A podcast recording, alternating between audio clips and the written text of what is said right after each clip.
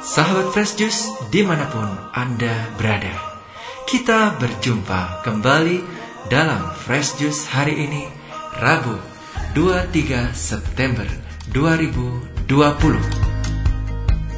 Bacaan dan renungan akan dibawakan oleh Pastor Yandi Buntoro CDD dari Medan.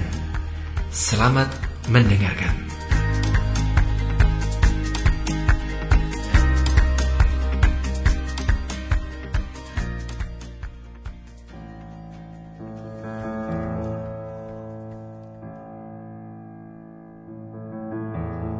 Halo teman-teman pendengar dan pewarta Daily Fresh Juice yang saya kasihi. Jumpa lagi dengan saya Pastor Johannes Yandi Buntoro CDD di tempat tugas saya di Paroki Kristus Raja di kota Medan. Injil kita pada hari ini diambil dari Injil Lukas bab 9 ayat 1 sampai dengan 6. Sekali peristiwa Yesus memanggil kedua belas muridnya, lalu memberikan tenaga dan kuasa kepada mereka untuk menguasai setan-setan dan untuk menyembuhkan penyakit-penyakit. Ia mengutus mereka untuk mewartakan kerajaan Allah dan menyembuhkan orang. Yesus berkata kepada mereka, "Jangan membawa apa-apa dalam perjalanan." Jangan membawa tongkat atau bekal, roti atau uang, atau dua helai baju. Apabila kalian diterima di suatu rumah, tinggallah di situ sampai kalian berangkat dari situ. Dan kalau ada orang yang tidak mau menerima kalian, keluarlah dari kota mereka dan kebaskanlah debunya dari kakimu sebagai peringatan terhadap mereka. Lalu pergilah mereka dan menjelajah segala desa sambil memberitakan Injil serta menyembuhkan orang sakit di segala tempat. Demikianlah Injil Tuhan.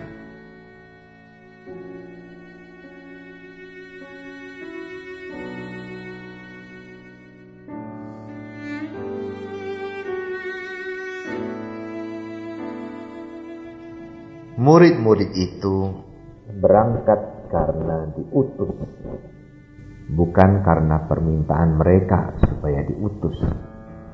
Sebenarnya mereka juga tidak pernah tahu apa hal selanjutnya yang harus mereka lakukan. Bahkan mungkin ada di antara mereka yang mengira angka enaknya mengikuti Yesus. Makan tersedia, penghormatan dari masyarakat juga ada, ketenaran juga tidak kurang-kurang. Mau apa lagi? Tapi sekali lagi, semua itu karena Yesus. Kalau tidak ada Yesus, mereka bukan siapa-siapa. Dan Yesus mau mereka menjadi seseorang yang juga pantas dihormati. Bukan hanya karena mereka adalah murid Yesus. Maka Yesus mengutus mereka ini juga adalah suatu bentuk kerjasama. Tentu Yesus bisa menggunakan kuasanya mewartakan Injil ke mana-mana. Tetapi dalam rupa manusia, hal seperti itu tidak bisa dia lakukan. Atau kalau dia secara forsir melakukannya, dia akan kelelahan dan tidak sanggup. Maka pembagian tugas seperti ini akan lebih efisien dan juga efektif.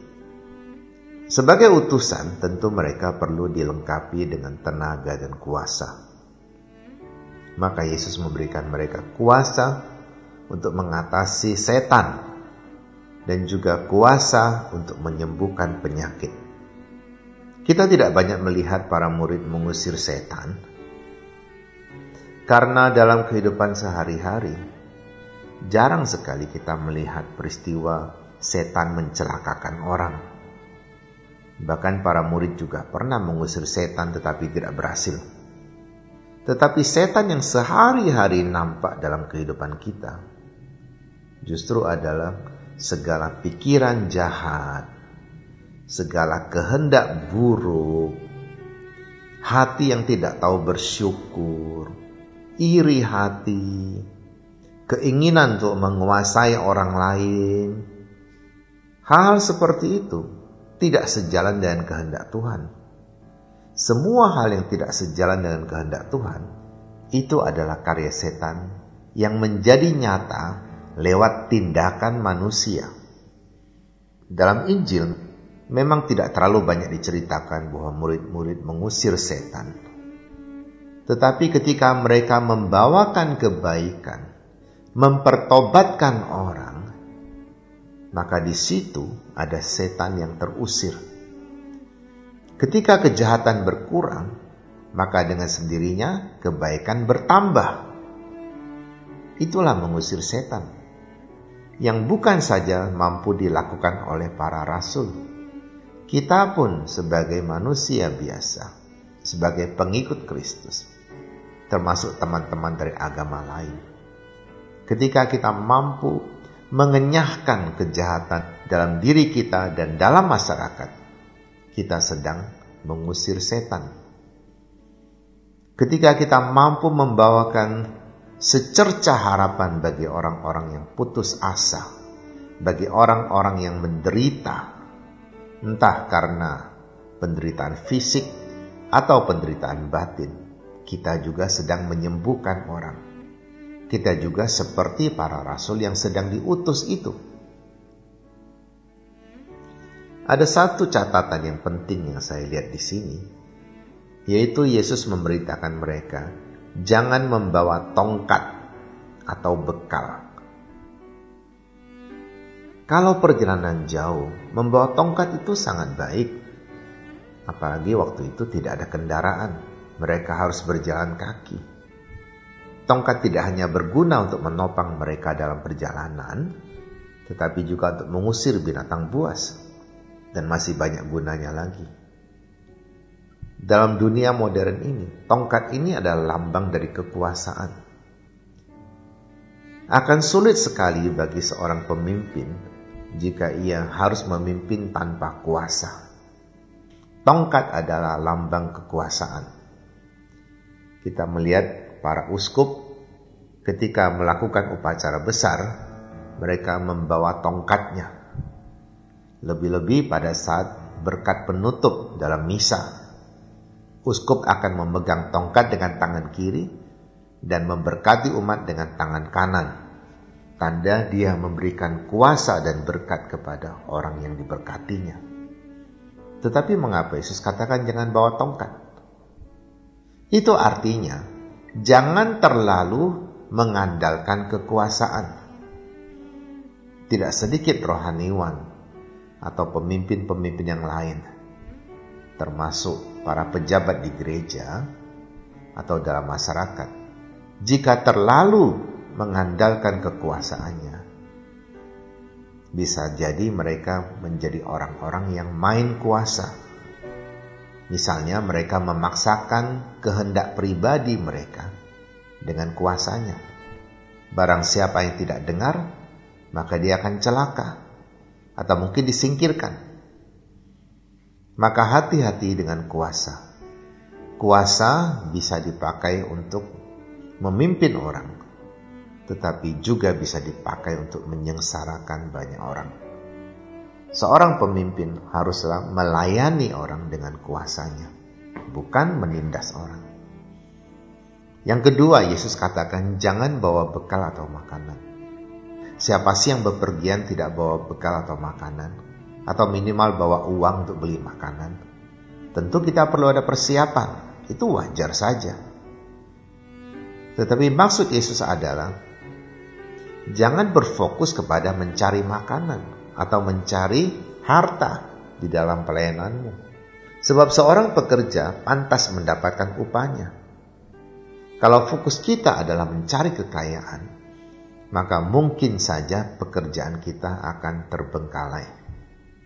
Apabila kalian diterima di suatu rumah, tinggallah di situ sampai kalian berangkat lagi. Apabila orang tidak menerima kalian, keluarlah dari situ dan kebaskan debu di kakimu. Artinya, kita juga tidak perlu memaksa orang untuk menerima kita. Jika memang orang belum siap untuk menerima kehadiran Tuhan dalam hidupnya, belum siap untuk hidup benar di hadapan Tuhan, kita paksakan juga percuma. Banyak pewarta yang kadang-kadang lupa akan apa yang Yesus ajarkan pada hari ini. Mereka menggunakan segala macam cara supaya orang mau menerima Kristus, termasuk cara-cara yang membuat orang jengkel. Menurut saya, itu justru akan membuat orang merasa terganggu. Zaman dulu ketika agama Katolik masuk ke negara Tiongkok, banyak orang berkata bahwa itu agama asing. Kami tidak menerima agama asing. Padahal mereka sudah ratusan tahun hidup bersama dengan agama asing, yaitu agama Buddha. Agama Buddha bukan agama asli Tiongkok, datang dari India tapi mereka bisa menerimanya. Karena para pewarta agama itu menggunakan pendekatan yang baik. Mengapa Katolik dianggap agama asing? Pertama, tentu saja yang mewartakan adalah orang-orang asing. Kedua, mungkin saja orang-orang asing itu belum mampu melakukan pendekatan yang baik kepada orang-orang Tiongkok. Karena itu penduduk di sana tidak merasa bahwa orang-orang yang datang ini sehati dengan kami.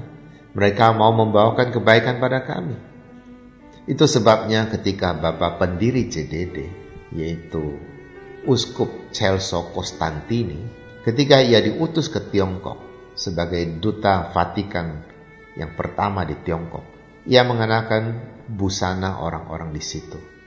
Ia belajar kesenian orang-orang di situ ia juga membawakan pendidikan untuk orang-orang di situ. Pendekatan seperti ini dirasakan sebagai pendekatan yang manusiawi, yang bersahabat. Karena itu ia diterima. Sampai ia merasa perlu mendirikan satu kongregasi orang-orang Tionghoa di situ, yaitu kongregasi murid-murid Tuhan. Jadi iman bukan sesuatu yang bisa dipaksakan. Iman adalah anugerah. Kalau kita sekarang menjadi orang Katolik, lebih-lebih menjadi orang Katolik yang baik, kita harus bersyukur karena ini adalah suatu anugerah. Tidak sedikit orang yang sudah dibaptis dengan cara hidup yang biasa-biasa saja, bahkan mungkin buruk. Apakah dapat dikatakan mereka beriman? Dengan demikian, barang siapa yang tidak mau menerima Yesus dan para utusannya maka mereka akan ditinggalkan. Sampai kelak ketika mereka juga mendapatkan anugerah itu. Marilah kita bersyukur pada Tuhan kalau kita sudah menerima Yesus. Dan lebih bersyukur lagi kalau kita mampu melakukan firman Tuhan dengan baik. Tidak hanya menjadi orang Katolik yang baik, tetapi menjadi warga masyarakat yang berguna, yang membawa berkat bagi sesama. Saya dan Anda, kita semua juga diutus untuk mewartakan Kristus, untuk menuntun setiap orang datang kepada keselamatan yang sejati. Amin. Marilah kita menerima berkat Tuhan. Tuhan sertamu. Semoga kita bersama keluarga diberkati oleh Allah yang Maha Kuasa, Bapa dan Putera dan Roh Kudus. Amin. Sahabat Fresh Juice, kita baru saja mendengarkan Fresh Juice Rabu 23 September 2020. Segenap tim Fresh Juice mengucapkan terima kasih kepada Pastor Yandi Buntoro untuk renungannya pada hari ini. Sampai berjumpa kembali dalam Fresh Juice edisi selanjutnya. Tetap semangat, jaga kesehatan, dan salam Fresh Juice.